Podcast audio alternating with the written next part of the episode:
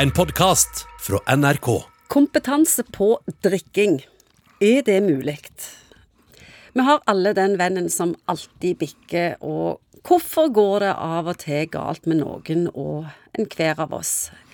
Egon Hagen, har du kompetanse på drikking? Formelt sett har jeg i hvert fall kompetanse på dette, i og med at jeg har hatt en doktorgrad på de tingene der. Men jeg har vel sikkert både gode og dårlige erfaringer i forhold til eget alkoholforbruk.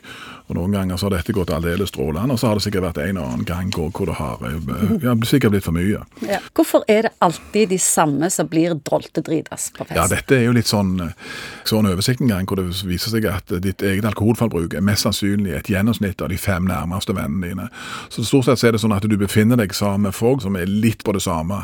Så, og Det er jo selvfølgelig fordi at vi har lagd oss sosiale kontekster hvor drikkingen vår ikke stikker seg ut, men han passer inn i forhold til de som omgås. Mm.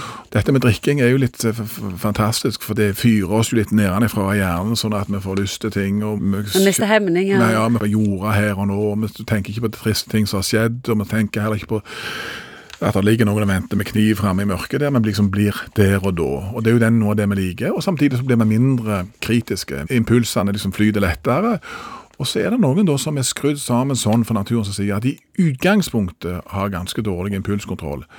Og så kommer alkohol på toppen av dette, og da er det en del da, som ikke greier å dra i håndbrekket tidsnok, eller å, å, justere med å drikke vann innimellom, og så blir veldig annerledes, og som reagerer mye sterkere på, på alkohol da, i forhold til impulsivitet, sosiale ting, og hva du sier, og hvordan du tilnærmer deg det andre kjønn osv så klart at det drar vi med oss en biologisk sårbarhet på samme måte som skostørrelse. så det er de som mangler impulskontroll som er klassiske til å Ja, det er en del av bildet, kan du ja. si. Men, men det, det, vi kaller eksekutive funksjoner, reguleringsfunksjoner, altså det å tenke langsiktig, konsekvensvurderinger, høyre og venstre, go, no go-vurderinger. ja. Det har jo de aller fleste av oss kjent, at når vi har drukket litt, så er, kan det slure litt på kløtsjen i forhold til go, no go. Er det lurt, er det ikke lurt? Og du gjør ting sant, i en rusa tilstand som du aldri ville gjort i en ikke rusa tilstand. Hvorfor er det noen som mister personligheten sin og blir crazy når de drikker, og andre som aldri mister kontrollen? Det er òg nok litt sånn konstitusjonelle forskjeller. At det er en del som, som har den disposisjonen i forhold til det vi kaller en patologisk alkoholrespons.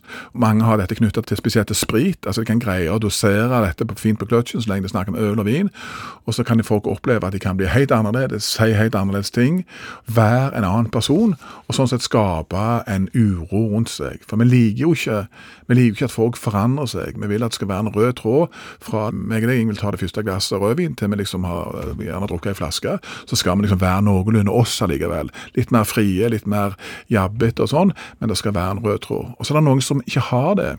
De hva skjer da? De blir, nei, de, de mange kan få blackout, ikke vite hva de gjør, og det kan komme opp masse rare ting. egentlig som De sjøl nesten har null peiling fra hvor det kommer fra.